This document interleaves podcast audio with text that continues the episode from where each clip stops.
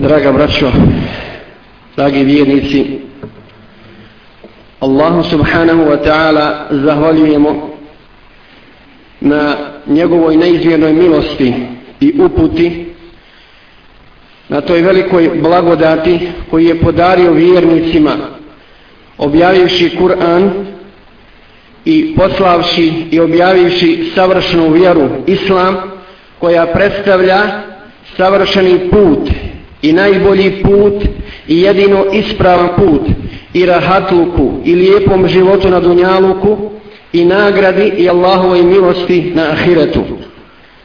Dakle, Allah subhanahu wa ta'ala je objavio svoju posljednju istinu kojoj ne treba nikakvo dodavanje, nikakva korekcija, niti bilo kakvo uljepšavanje. To je vječna Allahova riječ koja važi i koja odgovara svim ljudima i svim generacijama. Svaki segment ljudskog života, braćo, obuhvata islam. I nema ništa u ljudskom životu, dakle, a da, ga, a da islam ne tretira taj segment ljudskog života i ne samo to, nego ga opremenjuje, daje mu smisao, daje mu smisao i kao što daje smisao čitavom ljudskom životu. Čak i ono što je vezano za običaje. Naravno za običaje koje priznaje islam i koji su u skladu sa Allahovom, sa Allahovom objavom.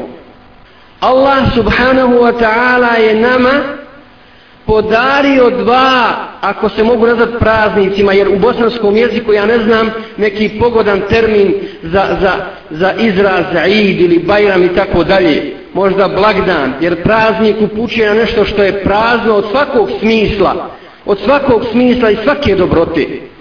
E, dakle, Allah Đelešanu nas je počastio sa dva bajrama, sa dva bajrama i to poslije dva veličanstvena ibadeta. Idul Fitr, dakle Ramazanski Bajram, poslije ispoštenog Ramazana, poslije ibadeta u Ramazanu, gdje se vjernici vesele i raduju na način kako je Allah propisao i samo oni znaju osjetiti istinsku radost, istinsku radost e, poslije takvog ibadeta što su ljudi, što su Allahovi robovi, što znaju kojim je gospodar i što znaju koga obožavaju. Zato se znaju ispravno veseliti, veseliti za te, za te dane Bajram. I drugi, isto tako koji se dešava poslije ili mogli bi kazati u toku također veličanstvenog ibadeta kao što je hađ u toku tih dana ili na kraju, na kraju hađskih obreda dešava se dakle kurban bajram odnosno prinošenje žrtava gospodaru svjetova i također to je dakle dan ili praznik, dan veselja, veselja muslimana.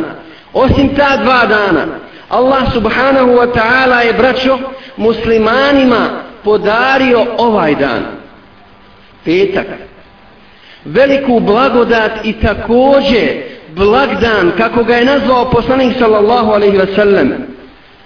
Ovo je također, mogli bi kazati, bajram muslimana, sedmični, sedmični blagdan za sve muslimane koji se okupljaju u mesčinima koji Allaha slave i njemu padaju na sežu taj dan.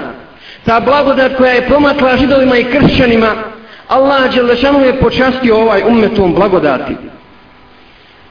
I osim ibadeta koji su vezani za određene blagdane, odnosno praznike, postoje tu i običaj, običaj koji su usko povezani, povezani sa ibadetom. Ono što ja hoću da naglasim, braćo, jeste to da je svaki praznik, svaki praznik kod svih naroda usko vezan za akidu, odnosno usko vezan za vjerovanje kako kaže poslanik sallallahu alejhi ve sellem inna li kulli qaumin eidan wa hadha eiduna za Bajram je poslanik sallallahu alejhi ve sellem rekao to svaki narod ima svoj blagdan odnosno praznik a danas je naš praznik. Dakle Bajram to je istakao poslanik sallallahu alejhi ve sellem. To je naš blagdan i to to mi slavimo proslavljamo po sunnetu rasula sallallahu alejhi ve sellem.